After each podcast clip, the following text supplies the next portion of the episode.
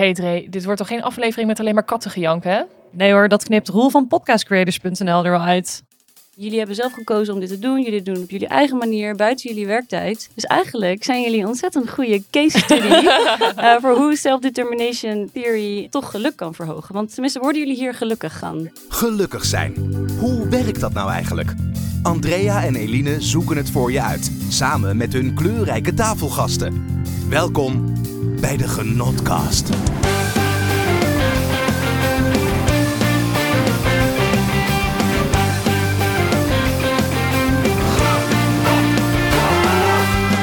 Eline! Andrea! Potverdikkie, we zijn er weer. Wat gezellig. Dat heeft lang geduurd, zeg. Oef, ja, eh, lieve luisteraar.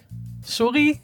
Ja, ik denk dat een klein excuusje wel op zijn plaats is. Volgens mij gaan we echt anderhalf of twee maanden eh, later dan gepland live met seizoen 2 van de Genotkast. En iedereen zit natuurlijk hopeloos te wachten tot wanneer die volgende aflevering nou eindelijk online komt. Ja, en ik snap het ook wel, want het leven is nog- nog steeds ja, dodelijk saai. Wat dat betreft is er eigenlijk helemaal niks veranderd. Ja, ja dus eh, onder al die druk van alle luisteraars zijn we toch maar weer de studio ingedoken. Ja, en ik ga jou trouwens de schuld geven, want volgens mij hebben we zo lang gewacht omdat jij te druk was met daten. Eh, ja, maar goed, jij bent ook gewoon eh, naar het zuiden van eh, Rotterdam verhuisd. Ja, dat is waar. Ik heb de oversteek gemaakt naar Katendrecht. Daar Ja. had het misschien ook wel iets mee te maken. Ja, dus ik weet niet of dat dan aan mijn dateleven heeft gelegen. Maar hoe gaat het met je dateleven? Want dat is natuurlijk wel wat iedereen wil weten. Ja, nou dat gaat zijn gangetje. Ik vind je normaal gesproken een stuk openhartiger, moet ik eerlijk zeggen. Nee, de- ja, er is natuurlijk wel iets veranderd ten opzichte van de laatste aflevering die we hebben opgenomen. Eh, er is iemand die ik graag zie. En die graag voor jou kookt en cocktails maakt, heb Hij ik kan begrepen. eh, goed. eh, Zo, ik weet trouwens niet of jij het als luisteraar kan horen, maar mijn kat zit echt zo hard te mouwen op de gang. Ja, en kijk, de luisteraar weet dat natuurlijk ook helemaal niet, want wij namen natuurlijk altijd op in een studio in Utrecht. Maar we hebben eigenlijk nu een nieuwe studio bij jou thuis. Mijn Andrea. huiskamer, ja. Jouw huiskamer. En dat betekent dus ook dat wij jouw kat erbij krijgen. Houdini, welkom bij de Genotkast. Kom, nou, ik zat hierover na te denken. Dacht ik, hoe kan het zo zijn dat in twaalf afleveringen Houdini nog nooit de revue is? Dat is bizar. Want dit is het eerste wat je altijd vertelt aan Mijn iedereen. kind, ja. Dat mijn- je een kat hebt. Ja. Dus het eer, als je op date gaat, is het eerste waar je het over hebt. Houdini. Nou, nou, die laat ik wel graag even buiten beschouwing. Niet alle mannen die eh, lopen daar gelijk eh, Niet? helemaal Oh. warm voor. Nee, nee, zeker niet. hey, maar Eline, ik vind het heel erg leuk dat wij hier zijn. Wij hebben ook even goed geëvalueerd na het eerste seizoen. Ja, of we dingen anders wilden doen. En we hadden wel een paar dingen eh, geleerd eigenlijk van het eerste seizoen. Ja, ehm, ik denk dat alle luisteraars nu denken dat jij eh, totaal geen leuke dingen meemaakt in je leven. dat jij een heel verschrikkelijk leven hebt zonder genotsmomenten. Ja, ja Ehm, want we kregen net wel de vraag... geniet Andrea nooit ergens van? We horen eigenlijk alleen Eline er genotsmoment. Nee, nee, en het antwoord is eh, nee, Andrea geniet inderdaad nergens van. Dus, Nee. eh, ja. Dus ik heb mijn leven over een andere boeg gegooid. Precies. En eh, besloten om toch maar dingen te gaan doen waar ik plezier uit haal. ja. Zodat ook ik elke week even mijn genotsmomenten ja, kan delen. nou wat een verandering jongens. Ja, nou echt, mijn leven is compleet Echt niet veranderd. één, maar twee genotsmomenten. ja. Nou, laten we daar dan ook maar gelijk mee beginnen. Oké. Genotsmoment van de week. Mijn eh, genotsmoment eh, deze week heeft te maken met de verkiezingen. Want op het moment dat we dit opnemen, eh, hebben die net plaatsgevonden. En ik heb echt genoten van de female empowerment die ik eh, heb ervaren. Sowieso denk ik door de hele eh, stem op een vrouw eh, movement. Die toch wel, ehm, ja, misschien dat ik er nu bewuster van ben dan eerst. Ja. Eh, maar die heb ik zeker gevoeld. Eh, ook om me heen gezien dat veel mannen op vrouwen hebben gestemd. Gewoon bewust. Om meer diversiteit in de Kamer te krijgen. Maar wat een powervrouw is Sigrid Kaag ook. Ja, ja, ja, ik vind haar wel een tof wijf. Ja, en ik, ja, of je het nou met haar eens bent of niet. Ik vind wel dat zij echt een ambassadrice is voor vrouwen. En dat vrouwen ja, al het recht hebben om ook een podium op te eisen. En succesvol te zijn. En eh, dat vond ik super cool om te zien. Ja, dan staat ze ook nog dansend op de tafel. ja, Ik vond het heel cool. nice. Oké, en even los van Sigrid Kaag, hè. Eh, volgens mij hebben we ook deze verkiezingen een record aantal vrouwelijke lijsttrekkers eh, gehad. Of vrouwelijke, vrouwelijke kandidaten. Eh, dus dat is sowieso ook al mooi. Ja, ik vind het een goede ontwikkeling. Weet, ik, weet niet trouwens, ik weet niet of jij dat wel weet, of er nu daadwerkelijk ook meer vrouwen in de Kamer komen. Dat hoop ik wel, ja. Dat, ik weet het niet zeker. Nou, mij dat gaan we nog even uitzoeken.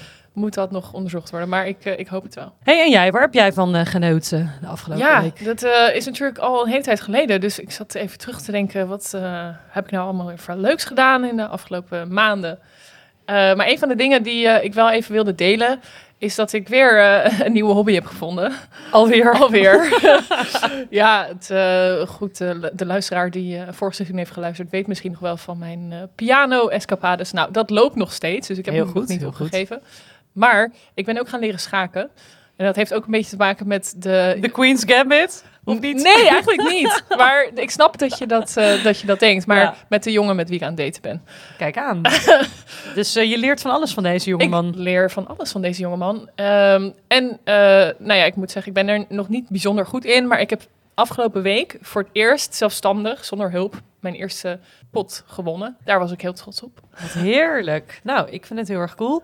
Ja, wat ik, ik vond Queen's Gambit trouwens wel echt een hele toffe serie. Ik ook, Die zeker. heb ik echt ja. twee dagen, denk ik, Ja. compleet gebinged. ja. Heeft dat je niet ook een beetje geïnspireerd? Was het een optelsom? Ehm, nee, dat, ik heb daarna niet, niet zoiets eh, gehad van, nou, ik moet nu gaan schaken. Maar dat was echt puur omdat hij dat deed. En hij dacht, nou, laten we dat een keer doen tijdens onze date. En heb je ook van hem gewonnen of van iemand anders? Eh, nee, nou, ik heb eh, wel eens van hem gewonnen, maar dat was dan ook met zijn eigen hulp. dus heb je niet echt gewonnen? Niet echt, nee. nee. Maar cool. Vet dat, eh, dat je iets eh, Ja, van ja schaken is toch een beetje net als het leven. Hè? Het is heel tactisch, een beetje ingewikkeld. Het is gewoon Het leven heel ingewikkeld. heel ingewikkeld, ja. Shit, Eline, we zijn wat vergeten. Wat dan? Ja, vertellen waar we het over gaan hebben vandaag. Oh, nou, nou, doe, doe dat maar even Ik kan dan. wel merken dat we even uit zijn geweest. Ja, Maar vandaag hebben we echt een hele leuke tafelgast. Florie Pronk. Zij is gedragswetenschapper. En zij weet alles over de wetenschap achter geluk. Hoe vet is dat? dus we gaan het alweer over geluk hebben. Nog steeds. Nog steeds. Ja, Ja. maar nu echt onderbouwd. Dus niet alleen eh, door vette verhalen van mensen. Oh, maar kijk, echt- dat is interessant. Want normaal is het natuurlijk alleen maar gewoon zinloos gelul. Ja, en deze vrouw snapt er gewoon Zij echt weet van. gewoon echt iets over geluk. Nou, Precies. top. En ehm, ja, in onze evaluatie van vorig seizoen bedachten wij ook... Jij hebt elke keer zulke leuke feitjes. Maar onze tafelgast kan daar nooit iets over zeggen. Nee, dat is eigenlijk wel gek. Ja, het wat hun expertise is. Ja. Dus, Dus, nou, dan moeten we misschien gewoon mijn feitje tijdens het gesprek doen. En dan daar een eh, discussie over starten. ja, dat lijkt me goed. En dan kan Florie er ook nog iets van vinden. Ja. Dus, volgens mij is het tijd om Florie erbij te gaan halen. Hallo Florie. Hallo, welkom in de studio. Ja, dankjewel. Ja, jij bent geluksexpert. Eh, betekent dat dan ook dat we na deze aflevering gewoon kunnen stoppen met de podcast en dat we dan een gelukkig leven gaan leiden? Nou ja, dat zou wel een heel zuur begin zijn van jullie tweede seizoen natuurlijk. Dat jullie hierna kunnen stoppen. Ehm, maar gelukkig, ehm, nee. Ik, eh, ja, het is goed om hier misschien meteen een disclaimer bij te plaatsen. En als ik eh, het over geluk heb, als ik daar naar kijk, dan zet ik nou, een, een bril op vanuit de wetenschap. Eh, wetenschap is heel erg goed in dingen verklaren, om eh, toevalligheden uit te sluiten, onwaarheden aan te tonen. Maar nog steeds weet de wetenschap ook niet de belangrijke thema's des levens. Dus ik ben bang dat jullie dat nog steeds zelf eh, uit moeten gaan zoeken. Ja, nou goed, daar hebben we nog alle tijd voor. Maar fijn dat we nu een soort van jouw goedkeuring hebben om dit onderwerp nog, nog verder uit te typen. Maar jij wijdt dus je hele leven aan wat mensen gelukkig maakt. Waar is deze passie ooit begonnen? Ik weet niet of dat ergens ontstaan is of dat het gewoon zo is gebeurd omdat het nou eenmaal zo liep. Eh, ik ben wel iemand die gewoon heel snel over positieve dingen praat en nadenkt. Eh, Zeker ook in coronatijd is humor en woordgrapjes is wat mij op de been houdt. Eh, dus het is kennelijk ook gewoon iets wat echt bij mijn persoonlijkheid past. Ehm, en ik wil ook gewoon graag dat andere mensen zich zo goed mogelijk voelen. Toen kreeg ik op een gegeven moment ook nog in mijn professionele, leven de kans om daar nou ja, echt mee aan de slag te gaan. Dus eh, ja, en nu eh, zit ik er al in. Nu kan ik er niet meer uit. Dus, eh, De gelukstunnel zit je Ja. in. Ja. Gelukstunnel, Ja, ja. ja. Weer wat dans aan de fabels, fabeltjesfuik. Ja. Ja. Het is wel lekker positief ook gewoon, toch? De, de hele dag bezig zijn met geluk en eh, hoe mensen gelukkig, gelukkiger kunnen worden. Ja, het is ook wel confronterend af en toe hoor. Hmm, want je hebt natuurlijk ook mindere dagen. En Ja. als je dan ook nog eens over geluk moet gaan praten, nou dat voelt dan als gelul. Dus ik zeg ook wel vaak, nou geluk en gelul scheelt maar één letter. Eh, dus het is in die zin, het is niet altijd alleen maar leuk. eh, maar het is wel een goede ja, reminder om, hè, ook al ben je ongelukkig, het te weten dat er ook weer het licht aan het eind van een gelukstunnel zit. Ja. Ja. Dus, eh, Hoe ga je er dan mee om als je zelf niet zo'n eh, goede dag hebt? En, eh, Nou ja, ik heb eh, dat in die zin helpt dat wel. Het feit dat ik daar eh, heel veel over heb gelezen, onderzoek over heb kunnen doen, eh, maakt wel dat ik nu intussen wel zelf weet wat voor soort strategieën eh, mij passen eh, in bepaalde omstandigheden. Maar ik weet zeker ook nog niet het antwoord eh, voor alles en voor iedereen. En dat eh, hoop ik ook zeker niet eh, te pretenderen hier. Maar ik eh, kan wel een hoop vertellen over de, de wetenschap achter geluk. En dat eh, ja, vind ik hartstikke leuk. Nou, lieve luisteraar, daar ga je vandaag eh, wat eh, handvatten voor krijgen. Ik, eh, ik ben heel erg benieuwd. Ehm, wel bijzonder, jij hebt recentelijk een beetje een carrière switch gemaakt. Want jij was wetenschapster, echt een onderzoeker, als ik het zo mag zeggen. En jij gaat nu werknemers in een justitiële inrichting gelukkig maken. Ja, Hoe klopt. zit dit? Ja, ik ben eh, drie maanden geleden ehm, nou, heb ik besloten om toch de universitaire wereld eh, achter me te laten. Ik werkte echt inderdaad puur in de wetenschap. Eh, maar ik merkte, ja, ik mis de praktijk. Ik wil heel graag eh, met die wetenschappelijke inzichten wat gaan doen. Eh, ik wil niet alleen maar eh, analyseren met cijfers hoe het theoretisch zou kunnen wer- werken. Ik wil echt heel erg graag ja, dat mensen met die kennis anders gaan nadenken over hoe ze hun leven of hun werk zouden kunnen inrichten. Ehm, ja, dus die afstand die voel ik heel erg tussen praktijk en theorie. En die eh, nou ja, ben ik nu dus in mijn eh, nieuwe baan hopelijk eh, aan het overbruggen. In een best wel hè, ja, zware werkomstandigheid. In een gevangenis of in een inrichting. waar mensen zitten met bepaalde problemen. Dus nou ja, probeer dan maar over geluk te praten en te denken. Maar dat is wel iets wat ik heel erg hard ga proberen en er nu al aan het doen ben. Merk je dan tussen die universitaire wereld en de, de praktijk, eigenlijk merk je dat daar dan een soort connectie ontbreekt? Ja, wat ik heel erg leuk vind is, ehm, ik hou heel erg van taal. Hè. Het is niet alleen maar een ding van Pauline Cornelissen. Taal is ook mijn Leuk ding. boek trouwens. Heel Ja. leuk boek, zeker. Ehm, maar ze praten ook echt anders. Dat, ehm, als, als je echt pure wetenschappers... Dus ik ben ook niet een pure wetenschapper. eh, pretendeer ik ook echt niet te zijn. Maar als je wetenschappers vraagt om te praten over wetenschap... dan kan je daar als praktijkmens vaak geen touw aan vastknopen. Eh, hè, en andersom... eh, hè, als je echt eh, eh, ja, wat meer praktijkmensen vraagt om te vertellen hoe zij geluk zien, dan is het vaak veel concreter en veel kleiner. Het is allebei waar, maar het is zo'n andere manier om er naar te kijken. Dat is ook Dus je denkt dat taal echt de barrière is die ervoor zorgt dat belangrijke inzichten uit de wetenschap niet toepasbaar bij mensen terechtkomen op de een of andere manier. Ja, dat is eigenlijk wel een hele mooie hypothese. Ehm, Toch Ja. een wetenschapster in jou Ja. die dit zegt. Toch Ja. wel. Maar ook ja, zeker als je ook denkt, hè, geluk is nu een ontzettend populair onderwerp. Ik bedoel, jullie maken er een hele podcast over, over geluk en over genot. Ehm, maar in populaire media wordt ja, heel vaak geluk en onderzoek daarna wordt uit verband eh, getrokken.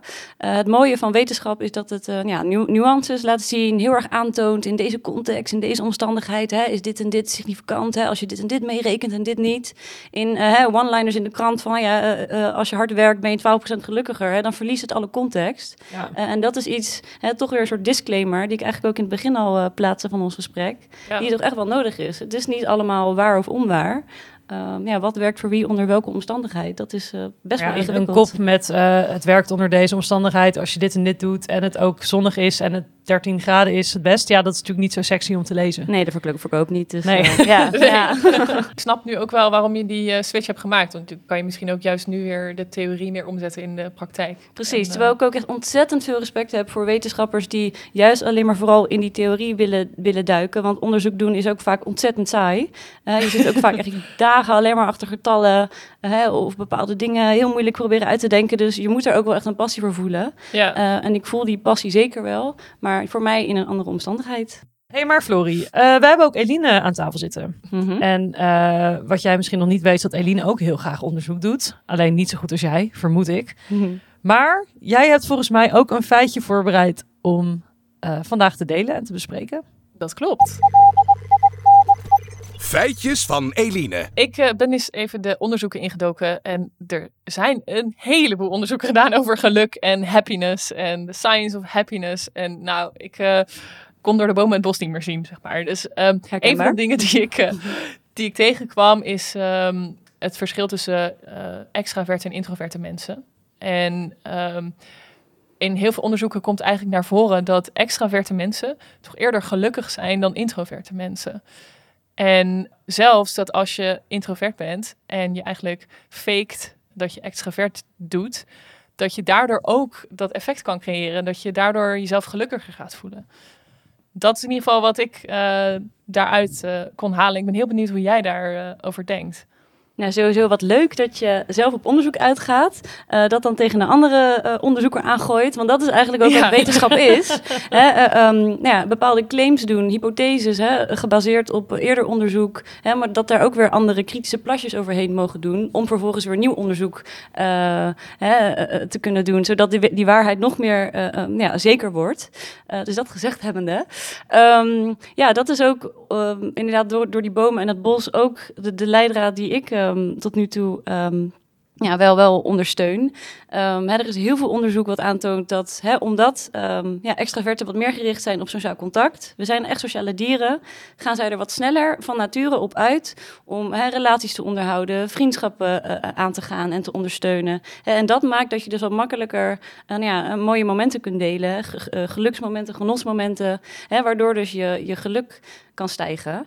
Um, maar aan de andere kant hè, merken we ook nu juist in de lockdown dat het voor extraverten zwaarder is om heel veel alleen ja. te blijven, om afstand ja. te houden. Dus ik zou nu vooral zeggen dat uh, ja, uh, introverten het, uh, hè, als je kijkt in termen van geluk, dat zij het nu wat beter doen of het wat makkelijker hebben. Ja, dat het nu wat makkelijker is omdat die, um, ja, die bepaalde factoren die voor extraverte mensen belangrijk zijn, dat die nu worden ingeperkt. En uh, ja. ja, exact. Ja, en het zegt ook weer wat over de maatschappij. Hè. Kennelijk is het ook makkelijker om extravert te zijn. Uh, hè, omdat je dan ook meer, meer, gezien wordt op je werk, omdat daten makkelijker is, wat dan ook. Dus hè, het zegt ook wel uh, niet alleen maar microniveau over het individu. Het zegt ook heel veel over hè, de macro-context waarin, waarin we leven. Dus heel interessant. Ja. Is de maatschappij dan ingericht op mensen zoals Andrea? Die nou, heel ja, ik wilde net zeggen, zijn. ik kom hier wel heel goed mee weg. ja, precies. Ja, dit, dit klinkt voor mij als muziek in de oren. Zou dat dan ook zo zijn inderdaad? Dat de maatschappij gewoon is ingericht zo? Dat het, ja, maar dat, dat denk ja. ik wel toch, want uh, als je kijkt buiten coronatijd om hoe bizar veel sociale verplichtingen er ook zijn.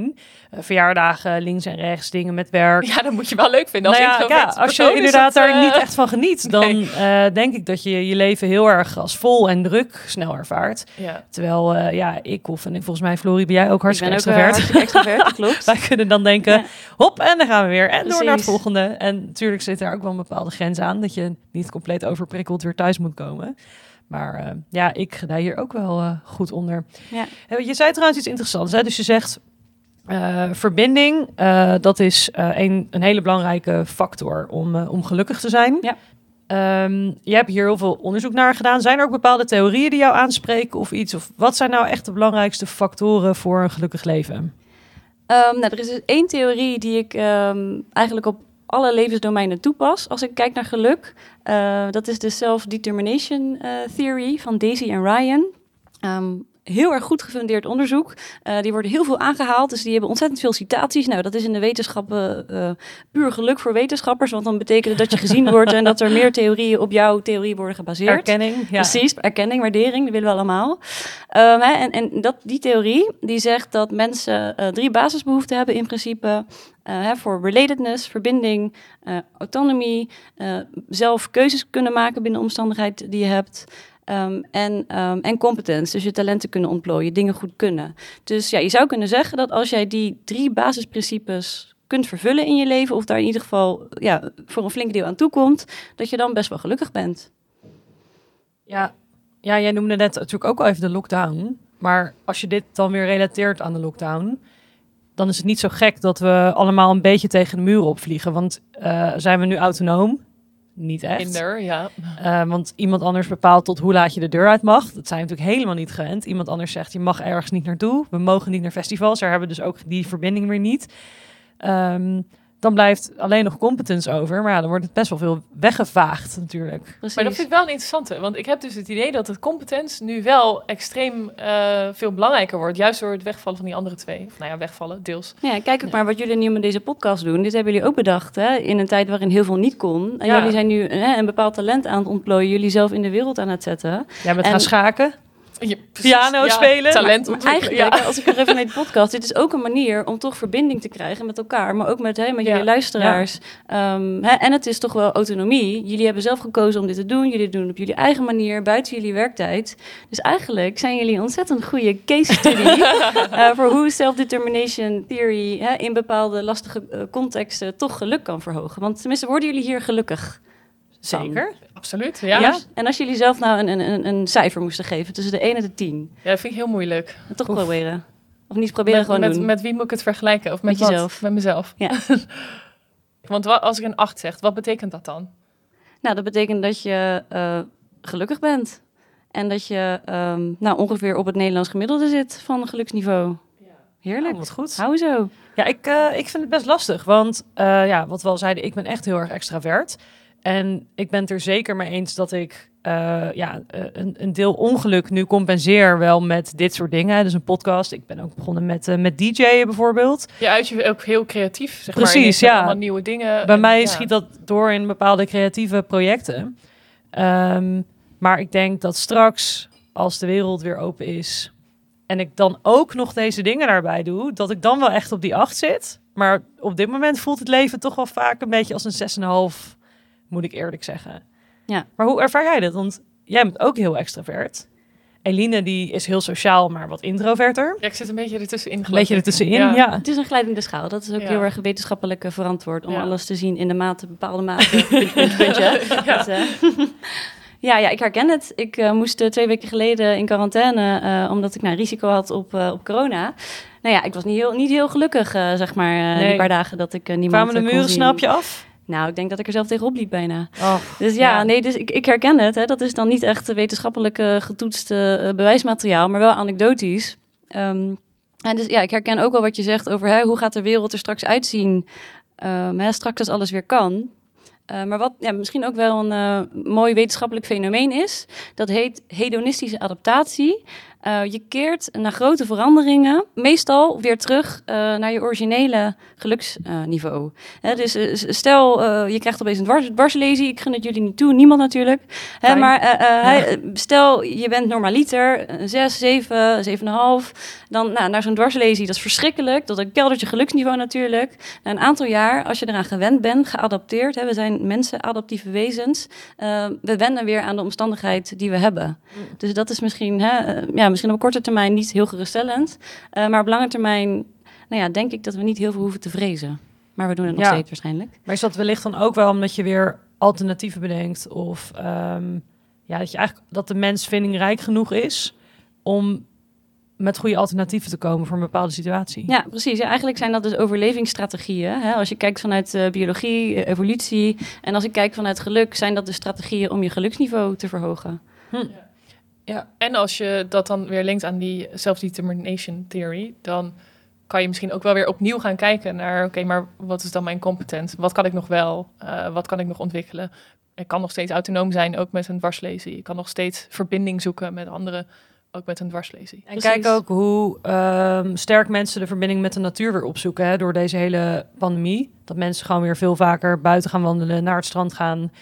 Eh, dat vond ik persoonlijk ook wel tof om te zien. En ik hoop toch ook wel dat mensen straks als deze situatie hopelijk weer een beetje voorbij is, niet compleet teruggaan naar hun oude patronen, maar toch ook wel de goede dingen meenemen. Ja. Van het meer rust opzoeken, leren alleen te zijn, naar de natuur te gaan. En dat we niet weer alleen maar onze agenda super vol plannen met allemaal verjaardagen van mensen die we vaag kennen waar we geen zin in hebben. Dat zijn toch ook wel weer de goede dingen die je hieruit kan halen. En alsjeblieft ook niet meer die drie zoenen. Dat hoeft Oh, mij echt man. niet meer. Nee. Nee, Dat precies. deed ik al Inderdaad, jaren gewoon niet even hoi, zwaaien. Ik ben er, jongens. Ik ga Ja. zitten in deze ongemakkelijke verjaardagskring. ja. Nee, maar wat je net omschrijft inderdaad, is ook, ehm, vind ik, een hele mooie benadering van wat gelukswetenschap eigenlijk is. Ehm, hè, dat is dus ehm, het bestuderen van iets positiefs, iets goeds. Of het nou hè, veerkracht is, of flow, eh, of echt geluk. Hè, dat jij dat, dat, eh, die variabelen eh, wilt begrijpen, verklaren en ook beïnvloeden. En dat is wat anders dan wetenschappelijke, eh, meer, ja, meer eh, traditionele wetenschap. Die juist bijvoorbeeld, hè, eh, zoals eh, in de medicijnenwereld, eh, ziektes eh, willen bestrijden of willen stoppen. Hè. Dus, dus gelukswetenschap is eigenlijk precies wat jij net omschrijft. Dus eh, mooi. Nou, ik ga wat anders doen met mijn leven. ik ga gewoon fulltime ook op dit onderwerp eh, storten. Gezellig. Je hebt natuurlijk een vacature opengelaten toen je Gezellig. een carrière switch maakte. Klopt, klopt. Ja, en dan eh, doe ik de, de vertaling naar het grote publiek samen met Eline via onze podcast in makkelijke Nederlandse taal. Ja, voor mij is geluk toch nog steeds echt wel iets ongrijpbaars. En in de wetenschap, gelukswetenschap, probeer je het meetbaar te maken. En nou ja, je vroeg dus net al, eh, geef jezelf eens een cijfer. Hoe maak je dat nou echt objectief en meetbaar? Want ja, mijn eerste vraag die door mijn hoofd heen gaat is... eh, maar misschien vindt iemand anders mijn leven eigenlijk wel een tien. En waarom vind ik dat een acht? Eh, terwijl... Ja, dat ja. relatieve Ja, precies. aspect. Ik weet niet, zeg maar, of het eerlijk is dat ik mezelf een 8 geef over mijn leven, terwijl iemand anders dat misschien ziet als een 6 of een 10. Precies, ja, ik zit heel driftig te knikken, maar dat heeft de luisteraar helemaal niks aan. Dus eh, misschien moet ik mijn gedachten even verbaliseren. Nee, ja, eh, je hebt helemaal gelijk. Dat is dus het moeilijke van het bestuderen zoiets als geluk. Het is namelijk subjectief. Eh, ik kan niet aan jou zien of je gelukkig bent. Nou, ik kan wel een inschatting doen, maar misschien kan je ontzettend goed toneel spelen. Je had het er net al over. Nou, dat doe ik ook heel graag. Hè, maar ik moet echt aan je vragen, hoe gelukkig ben je? Dus daarom ja, werken wetenschappers ook eh, hè, vaak met hele grote groepen mensen. En hè, dat ze dus die gemiddelde extrapoleren, zodat ze dus hè, bijvoorbeeld eh, ja, gemiddelde van landen gaan vergelijken. Ehm, maar nog steeds, hè, er is dus heel veel individuele variëteit. Dat heet in eh, wetenschap dan heterogeniteit. Dus dat maakt het ontzettend leuk om geluk te bestuderen, maar ook ontzettend ingewikkeld.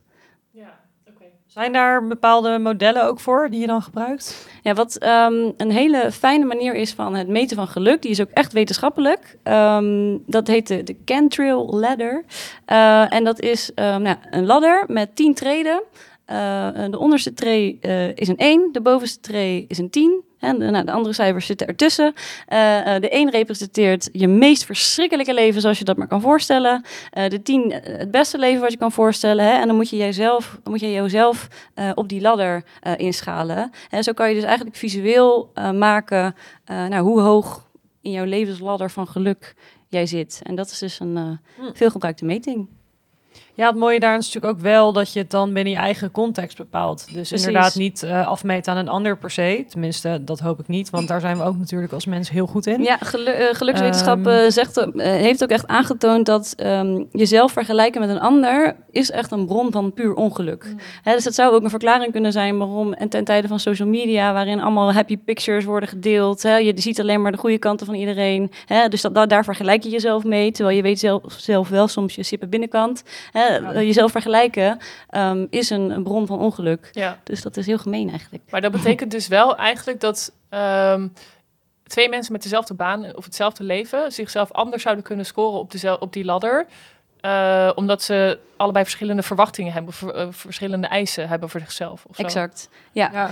Ja, en dat is dus ook, ja, dat is ook zo'n cliché omdat die waar is. Het gaat dus niet eh, hè, om je omstandigheid, het gaat om je tevredenheid met die omstandigheid. Ja. Hè? Dus geluk is eigenlijk niks anders ehm, dan je levenstevredenheid. En dat hangt natuurlijk af van hoe hoog je die, die lat legt voor jezelf. Of eh, hoe, ja, wanneer je tevreden bent. Precies, dus ik, daarom zeg ik ook ehm, het liefst zo vaak mogelijk, maar ook tegen mezelf en tegen anderen, eh, leg die lat niet te hoog. Ga niet naar die tien op die ladder. Eh, hè, laat die ladder lekker. Eh, een acht is geweldig en het hoeft echt niet hoger. Ehm, Dat is lekker klinken ook. Ja. Ja, hè? ja. Lekker Nederlands. Minimum input, maximum output ook. Ja. Ja. Hey, wat doe jij eigenlijk zelf om op die acht te zitten? Hoe eh leid jij zelf een gelukkig leven? Nou ja, ik zit er natuurlijk op. Hè? Dus ik, ik ben zelf eh, in die zin wel heel veel bezig om nou, af en toe even geluksexperimentjes met mezelf te doen. Eh, ik heb dagelijks, en dat doe ik al jaren, eh, een gratitude app. Dat is een dankbaarheidsapp die mij elke avond helpt herinneren. eh, schrijf even drie dingen waar je dankbaar voor bent geweest vandaag op. Nou, daar, ook hoe rot mijn dag ook is geweest, dan toch denk ik, oh ja, er waren wel leuke dingen aan vandaag. Dat doe ik. Ik mediteer. Ik heb ook een meditatieles gehad bij Jan Geurts. Ehm, ik, ja, nu ook in de coronatijd. Ik, ik wandel. Ik, ik weet dat ik extravert ben, dus ik zorg dat ik genoeg vrienden spreek en bel, eh, ook op afstand. Ehm, hè, maar ik zorg ook dat ik eh, hersteltijd eh, inbouw, want ik weet van mezelf, hè, hoe, meer je jezelf kent, hoe meer je dus bewust kunt omgaan hè, met je leven, dat kunt inrichten.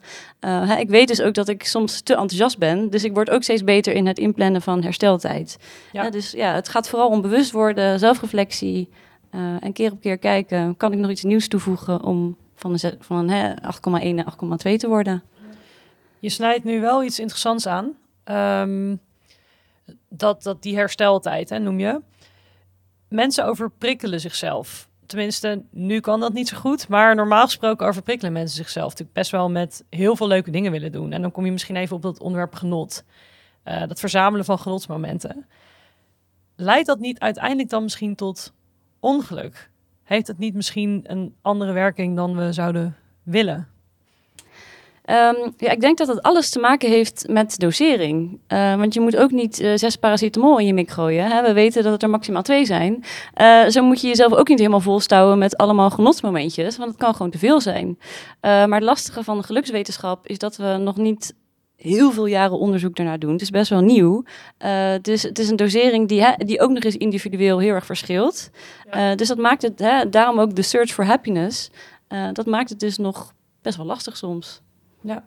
Ja, en ik hoorde jou net ook iets zeggen over zelfreflectie. En nu heb ik ook wel eens ergens gelezen dat mensen met een hogere mate van zelfreflectie, die daar beter in zijn, dat die um, ook sneller gelukkig zijn. Uh, vind ik wel een interessante om uh, ja, ook nog jouw mening over te horen. Ja, ja dat uh, heb ik ook gelezen. um, en nou, wat eigenlijk geldt daar ook weer bij, bij zelfreflectie bij ook hè, bijvoorbeeld uh, leuke dingen doen, het kan ook weer te veel worden. Want er is ook uit onderzoek gebleken dat hè, als je weer te veel bezig bent met zelfreflecteren, hè, dat heet dan rumination in het Engels, hè, dan ga je navelstaren, daar word je juist weer de depressief van. Ja. Dus het is goed om te hmm. reflecteren en het is goed om op, op een gegeven moment mee te kappen. Je moet ook niet blijven piekeren en heb ik dat nou goed gedaan? Precies. En Oké, dus het is moeilijk omdat het, het gaat altijd over Allemaal doseren. dosering. Maar hoe weet je nou wat de juiste dosering ja, je gaat is? natuurlijk, uh, dat zien we nu, dat je nu dus compleet anders doseert al in coronatijd door bijvoorbeeld veel creatiever te zijn of nieuwe dingen te gaan uitproberen. En dan straks kunnen we weer op het terras zitten en in de kroeg hangen en dan moet je daar weer gaan doseren. Het is complex. Precies. Dus eigenlijk is de hoofdvraag van het onderzoek van hè, eh, geluk in jezelf uh, versterken, is wat werkt nu voor mij in deze omstandigheid. Ja. ja. En is dat dan iets waar een gelukscoach, of nee, ik weet niet hoe je dat zou noemen, je dan mee zou kunnen helpen? Dus wat is dan nu voor jou de juiste dosering in deze situatie? Of? Ja, dat zou kunnen. Ik denk dat het heel erg fijn is als je af en toe iemand even met je meekijkt, maar je bent nog steeds je eigen geluksexpert. Ja. Dus je, wat ik net, wat ik ook aan het begin al zei, uh, ja, ik ben bang dat je toch echt zelf moet uitzoeken. je moet je eigen, je eigen geluksformule even uitrekenen. Ja, en dus gaan experimenteren. En dat je misschien toch ook wel denkt van, nou, ik heb dit nu geprobeerd, maar eigenlijk... Oh, ik, ik ben nu al een week lang naar festivals gegaan. Dat maakt me eigenlijk ook weer niet helemaal uh, gelukkig. Precies, ja. En dan ga je een nieuw experiment aan. Dan ga je een week lang op de bank liggen. Nou, dat is dan ook weer te veel. Ja. Nou, misschien moet je het dan een beetje mixen. Ja. ja. Ah, Oké, dus met een beetje experimenteren, dan uh, kom je er uiteindelijk denk ik wel. Want dan leer je ook veel over wat wel werkt en wat ja, niet. En ook durven te falen. Doe het, de, doe het eens lekker mis. Hè. Een, een, mislukt experiment is ook een geslaagd experiment, want dan weet je een, een onwaarheid. Ja, ja. Jij noemde trouwens net ook uh, dankbaarheid. En ik vond het leuk dat je die noemde, want ik heb het gevoel dat dat onderwerp ook echt steeds meer naar voren komt in allerlei podcasts en uh, veel mensen die bezig zijn met zelfontplooiing. Waarom is het nou zo belangrijk om regelmatig stil te staan bij de dingen waar je dankbaar voor bent. Ja, ik denk ook wel dat het sowieso meer nu ehm, aan, onder het voetlicht komt, omdat er dus steeds meer goed gestructureerd onderzoek naar gebeurt. Dus we weten eigenlijk steeds beter hoe dankbaarheid werkt.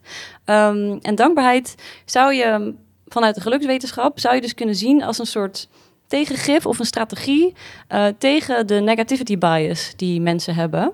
En negativity bias wil zeggen dat wij als mensen uh, zijn we eigenlijk ja, evolutionair geprogrammeerd om het negatieve uh, hè, in de gaten te, blijven houden. Want vroeger verhoogde dat onze overlevingskans. Hè, er was een mammoet of een sabeltandtijger. Oh jee, gevaar, rennen.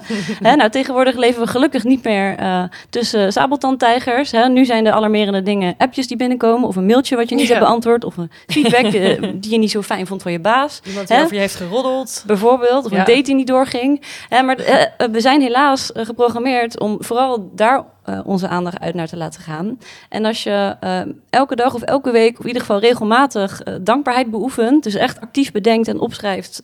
Waar was ik vandaag dankbaar voor? Dan train je je, je hersens en jezelf om ook te focussen op het positieve.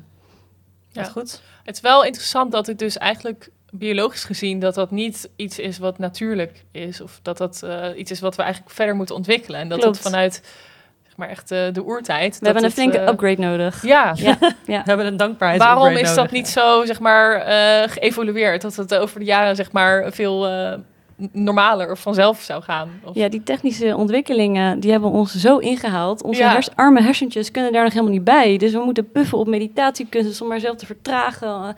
Eh, eh, dus ja, we lopen nog toch een beetje achter. ja. In ons hoofd zitten we nog in die, eh, de oertijd met eh mammoeten. en, Helaas eh, wel, ja. een fight-or-flight respons. Ja. ja. Ja. Ja. Het is trouwens wel, ik moet even denken aan het boek van Rutger Bregman. En dat hebben veel mensen waarschijnlijk al lang gelezen. Maar mocht je het dus niet hebben gelezen, de, eh, de meeste mensen deugen. Ik ben nu ongeveer halverwege. Daarin vertelt hij heel veel over ehm, hoe mensen vroeger waren. En met welke instincten ze bepaald gedrag vertoonden. En eigenlijk dat het leven toen echt ook wel heel erg goed was. Eh, en dat mensen zijn over. ehm, eh, dat mensen hebben overleefd uit vriendelijkheid. Dus dat eigenlijk de vriendelijkste mensen elke keer voortplanten, omdat ze het meeste kans hadden op liefde en kinderen en gezin. Ga het even lezen. Het was even een korte zijweg. Ehm, maar ik vind trouwens wel ook als je het dan even hebt op focussen op positieve dingen, ook wel een heel leuk boek Ja. om, eh, om door te lezen. Omdat het toch wel een perspectief zet dat de mens een stuk beter is dan we misschien denken. Precies, eigenlijk is dat het tent en befriend eh, mechanisme wat, wat hij dan hiermee eigenlijk aantoont. Eh, en dat is dus eigenlijk ook dus een bepaalde een strategie om dus die verbin- verbinding, hè, die relatedness weer aan te halen. Als je vriendelijk, vriendelijk bent voor anderen, nou ja, hè, dan, dan krijg je daar dus ook weer vriendelijkheid voor terug. En daar word je gelukkig van. Ja. Maar Florie, even een klein resume. Want we, je noemt nu al een paar supergoeie dingen eh, die mensen aan hun geluks, geluksformule kunnen toevoegen. Dus het, trainen van dankbaarheid, zodat je eh, meer positieve dingen kan focussen. De dosering van de dingen die je nodig hebt binnen je geluksformule. Welke andere dingen eh, dragen bij aan geluk? Wat kunnen mensen nog meer doen om zichzelf te helpen? Ehm, ja, eentje die je zelf al net noemde, ehm, bewegen. Eh, bewegen in de natuur, dat is heel erg goed voor ons mensen.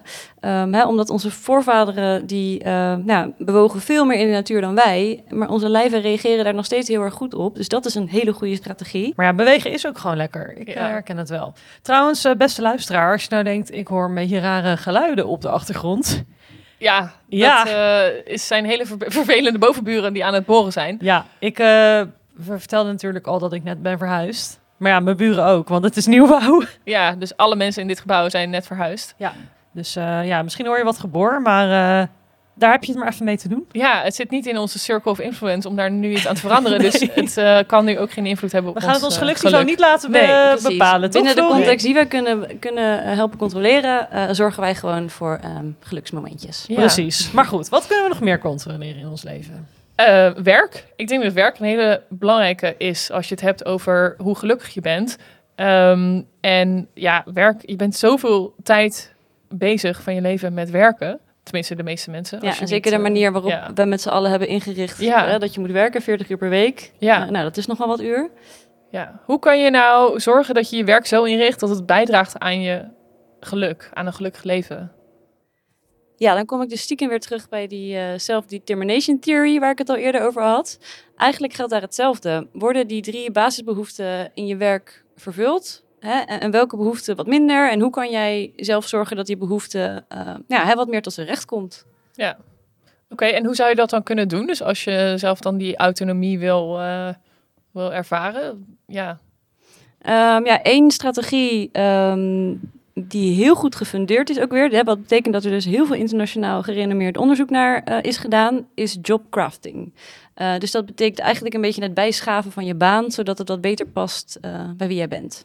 Hm. Hm. Klinkt wel interessant, jobcrafting. Misschien moeten we het daar nog even wat eh, uitgebreider over hebben. Ja, want we zitten al zo lekker te praten dat ik, eh, ik zit naar de tijd te kijken en eh, we kunnen alweer drie uur verder praten. Eh, maar we, vol- volgens mij kunnen we wel voor onze vaste luisteraars op petje.af slash genotkast hier nog even over verder praten. Ah, Dus dat is goed. Ja, Ja, ja, cliffhanger. Ja. Cliffhanger inderdaad. Eh, maar word officieel fan voor maar 3 euro per maand. En dan kan je nog even lekker naar Florie blijven luisteren. Zeker. Ehm, waar ik ook wel benieuwd naar ben. ehm, we hebben natuurlijk ook een beetje onderzoek naar jou gedaan. En jij hebt ook een toneelachtergrond. Dat klopt. Eh, dat is misschien ook weer dat creatieve, wat dan een beetje bij kan dragen aan, eh, aan geluk. Ehm, welke rol speelt dat nog voor jou?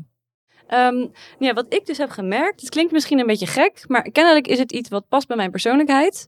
Ehm, ik heb dus uitgevonden dat een strategie die mij helpt om ehm, nog meer geluk te ervaren in mijn werk dan ik nu al doe, is soms even in de verbeelding bedenken dat ik nu een rol aan het spelen ben. Hè? Ik ben in principe eh, niet thuis. Ik ben gedrag aan het vertonen waar ik voor, word betaald. Hè? Het past heel erg bij wie ik ben, eh, maar het is geen privégedrag. Eh, dus ik vind het soms heel erg leuk om even te bedenken... oh ja, ik ben nu met de, hoofddirecteur aan het praten. Hè? Dan doe ik ook echt even een, net, net, jasje aan. Hè? Dan, dan ja, I dress for the part. Ehm, en zo kan ik inderdaad ook een talent kwijt in mijn werk... wat ik eigenlijk anders niet kwijt had gekund. Ja. Oh, dus je speelt dan eigenlijk bepaalde rollen omdat je het leuk vindt om toneel te spelen. Exact. Eh, ja, Ja. je wil er niet je beroep van maken, maar het is wel leuk als het tot uiting komt in, eh, in Precies. je werk. Ja, en een hele mooie quote.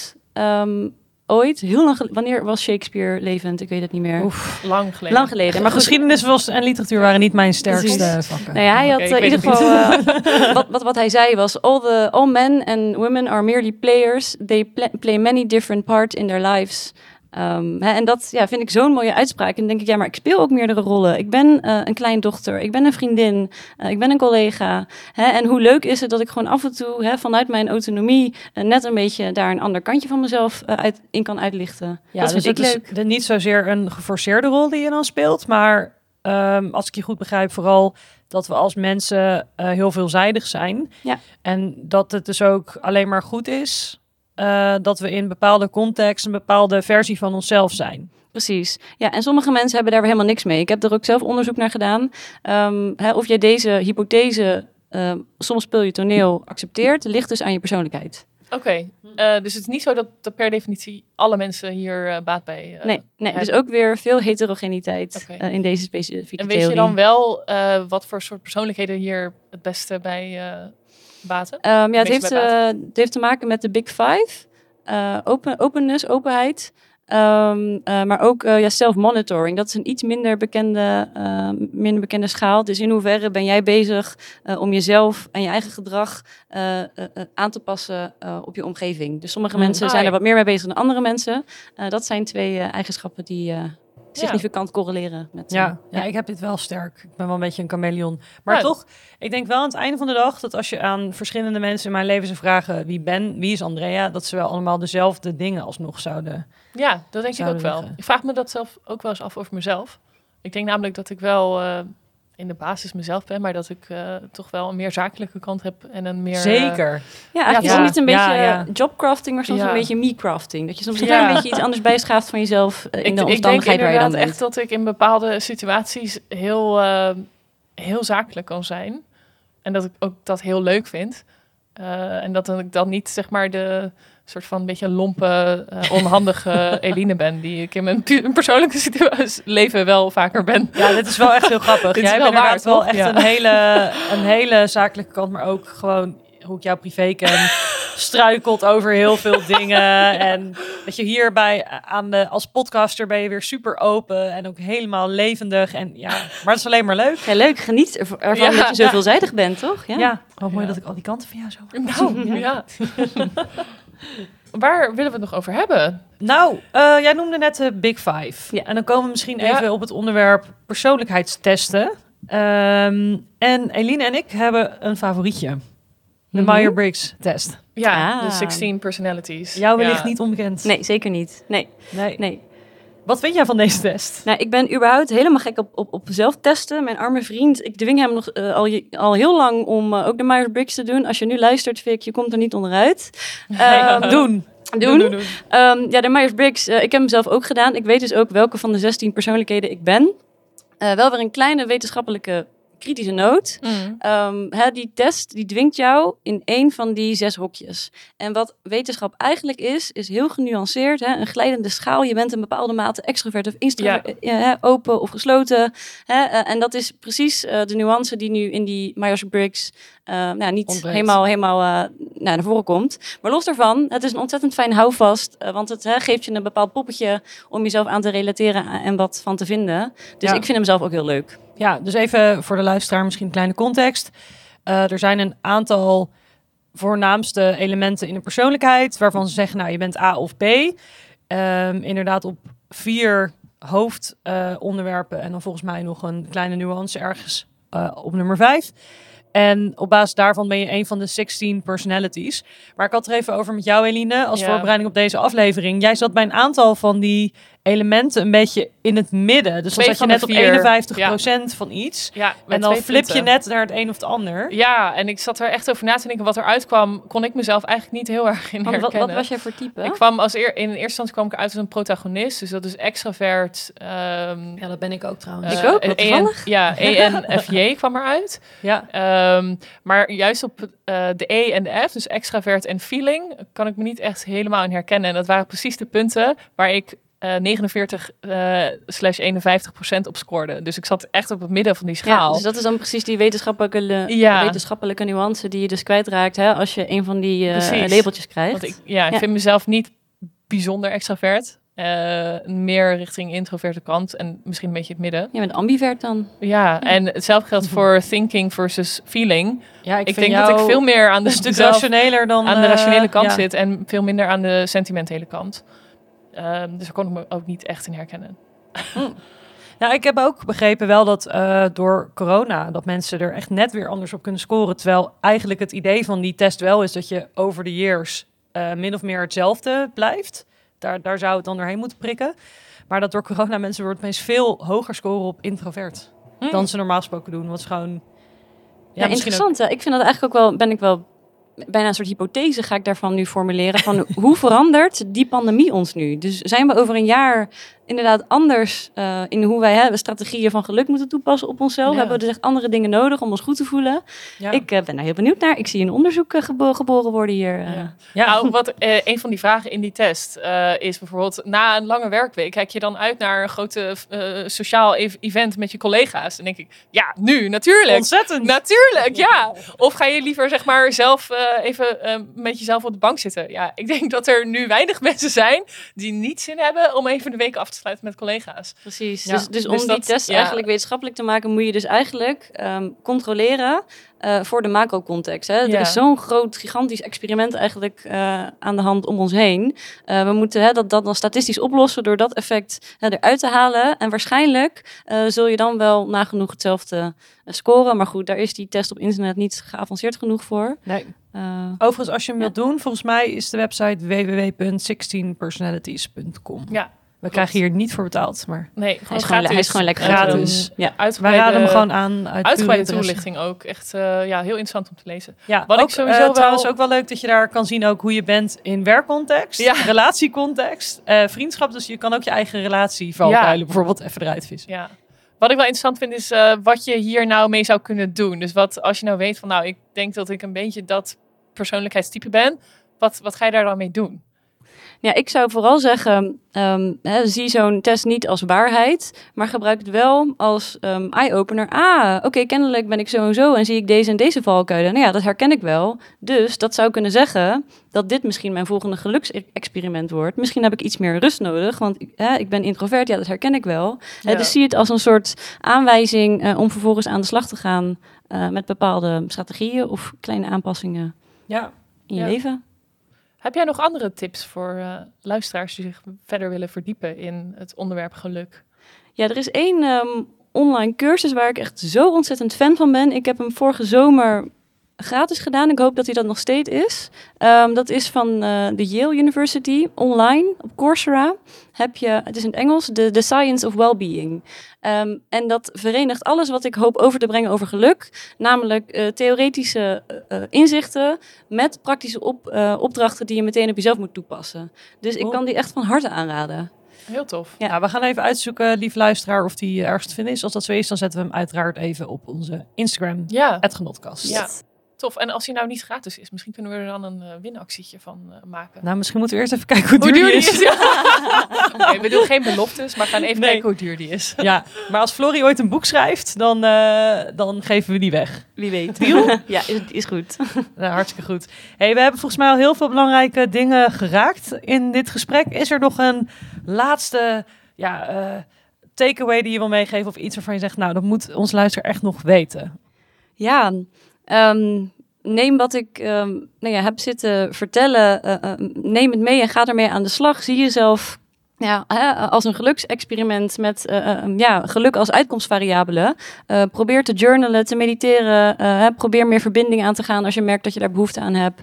Ehm, ja, en rapporteer aan jezelf. Helpt dit? Word ik hier gelukkiger van? Leuk? Lijkt me een heel mooi advies om mee af te sluiten. Zeker. Nee, we gaan nog even doorpraten over jobcrafting, natuurlijk achter de muur. Maar eh, Petje.af slash Ja. notcast. precies. Eh, en trouwens, daarmee wil ik ook gelijk even onze trouwe gelukzoekers even bedanken. Want die zijn netjes ehm, donateur gebleven van de podcast. Ja, Ondanks onze hele Ja. lange pauze. Dus echt, dank jullie echt wel. commitment. Ja, dat is pure Ja. commitment. Dus Ja. dankjewel. Nou, Florie, heel erg bedankt dat jij eh, naar het Rotterdamse bent afgereisd vandaag vanuit Den Haag. Ik vond het echt super, super leuk om dit vandaag allemaal van jou te horen. En eh, ja, hopelijk eh, zien we jou nog een keer voor een vervolg. Ja, heel erg, heel erg bedankt ook. Ik, eh, voor mij is het ook echt een geluksmoment. Dus eh, ook Ja, bedankt. mooi. Ja, Ja. wat Heel mooi. goed. Hey Dre, weet je waar ik nu echt ontzettend behoefte aan heb? Zeg het eens. Zo'n lekker onbenullig good news feitje van jou. Oh, nou dan is het tijd voor de Good News Show. Alleen dan moet ik je nu eigenlijk gelijk teleur gaan stellen. Wat? Nou, ik had eigenlijk bedacht, misschien moet ik met good news items komen die gewoon even iets minder onbenullig zijn dan koala's in de kerstboom. Oh, wat jammer. Ja, ik snap dat je nu heel teleurgesteld bent, maar ik heb nog steeds wel eh, echt een tof item gevonden. The Good News Show. De 15-jarige Maggie Grout is een non-profit begonnen. Die heet Thinking Huts. En haar idee is om met behulp van 3D-printing scholen te bouwen in Madagaskar. Zodat kinderen daar een opleiding kunnen krijgen. Met een 3D-printer. Met een 3D-printer gaat zij scholen bouwen. Ze zijn nu bezig met de fundraising voor deze scholen. Die eruit gaan zien als een soort van eh bijenkorf met zonnepanelen op het dak. En als dit project lukt, dan is het de eerste 3D-geprinte school ter wereld.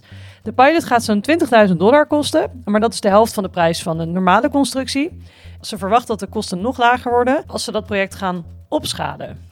Wow, holy shit. Dat is wel echt, ja, dat is wel echt vet. Zij is 15, hè? 15. En ja, Ja. Wat deed jij toen je 15 was? eh, met Barbie spelen of zo, weet ik veel. Dit is wel echt sick. Maar hoe komt zij dan aan die ideeën en die kennis? En waar, waar heeft ze dat dan al opgedaan? Nou, het enige wat ik me kan voorstellen, ehm, zij is eh, Chinees en geadopteerd door een, eh, de huidige CEO van een techbedrijf in de Mm. US. Oké. Dus is denk ik wel in een heel ondernemende omgeving grootgebracht uiteindelijk. Ja. Eh, maar ja, desalniettemin, ik was op mijn vijftiende niet met dit soort wereldverbeterende dingen nog bezig. nee. Als het echt lukt, dan is dat misschien ook wel weer de start voor nog meer van dat soort. eh Ja, volgens mij eh, denken ze dat ze deze zomer al kunnen gaan starten met de eerste bouw. Ja. Dus, en ja, dan verder uitbouwen verder en uitrollen. kopiëren. en- Ik bedenk me nu trouwens dat ik op zich... Ik was wel WNF Ranger vroeger. Dus Ja? ik heb misschien Oh, wat goed. wel op die leeftijd ook nog wel wat goeds gedaan. Maar goed, in elk geval... eh, weer het bewijs dat er goede dingen gebeuren op eh, de wereld. Ik zal uiteraard eh, even zorgen dat we dit nieuwsitem nog even op onze Instagram, het Genotkast, delen. Want het is wel zo leuk om even te kunnen zien hoe het eruit ziet. Ja, ik ben wel heel benieuwd, want ik maak nu allemaal voorstellingen in mijn hoofd. Oh, dit ziet er nog best uit als een normaal gebouw. Ik had echt Ja. hele andere Ik vind het ook echt design technisch super cool. Dus ik ga het even op Instagram zetten en dan kan onze Ja. gelukzoeker dit ook even bekijken. Tof. Nou, ik vind dit een, eh, ook een goede ontwikkeling van de Good News Show. Hele mooie initiatieven. Ja, Ja, ik, ik wilde jou als belangrijke luisteraar niet verliezen. nee, precies. Anders was ik er gewoon mee gekapt. Hey Eline. Ja. De aflevering zit er alweer op. Nou, dat is bizar. Fucking snel. Ja. Hadden we nou echt nou zo lang moeten wachten met een nieuw seizoen beginnen Ja, om dit op te nemen? Ik weet het niet. Het duurde fucking lang voordat we met seizoen 2 begonnen. En nou staat hij er echt gewoon binnen no time op. Ja, opgenomen. Hot. Ja. hey, maar wat gaan we over twee weken doen? Eh, wat gaan we over twee weken doen? We gaan het over dates hebben. Ja. Het nog nooit over gehad Nee. in deze podcast. Nee, en je zal misschien nu denken als luisteraar... oh nee, alweer over eh Eline's dateleven. Nou, we gaan het daar dus niet over hebben. Of in ieder geval niet alleen maar. Eh, maar we gaan het wel over daten hebben. En ook Ja. over Andrea. En- En, eh, we hebben een hele leuke gast. Deze keer schrijft Matthijs Dingjan aan. En die ken jij misschien wel van de website mannenbrein.nl. Wat zo leuk is aan Matthijs, we hebben natuurlijk in het vorige seizoen al Daan gesproken. En Daan is datingcoach voor mannen. En Matthijs is datingcoach voor vrouwen. En die heeft ook echt weer een compleet andere benadering om vrouwen te helpen om succesvol te worden in de liefde. En eh, hij kijkt er bijvoorbeeld heel erg psychologisch naar, omdat vrouwen weer hele andere vraagstukken hebben. En we gaan hem het hemd van het lijf vragen. Oh, letterlijk of figuurlijk? Nou, daar komen we vanzelf achter.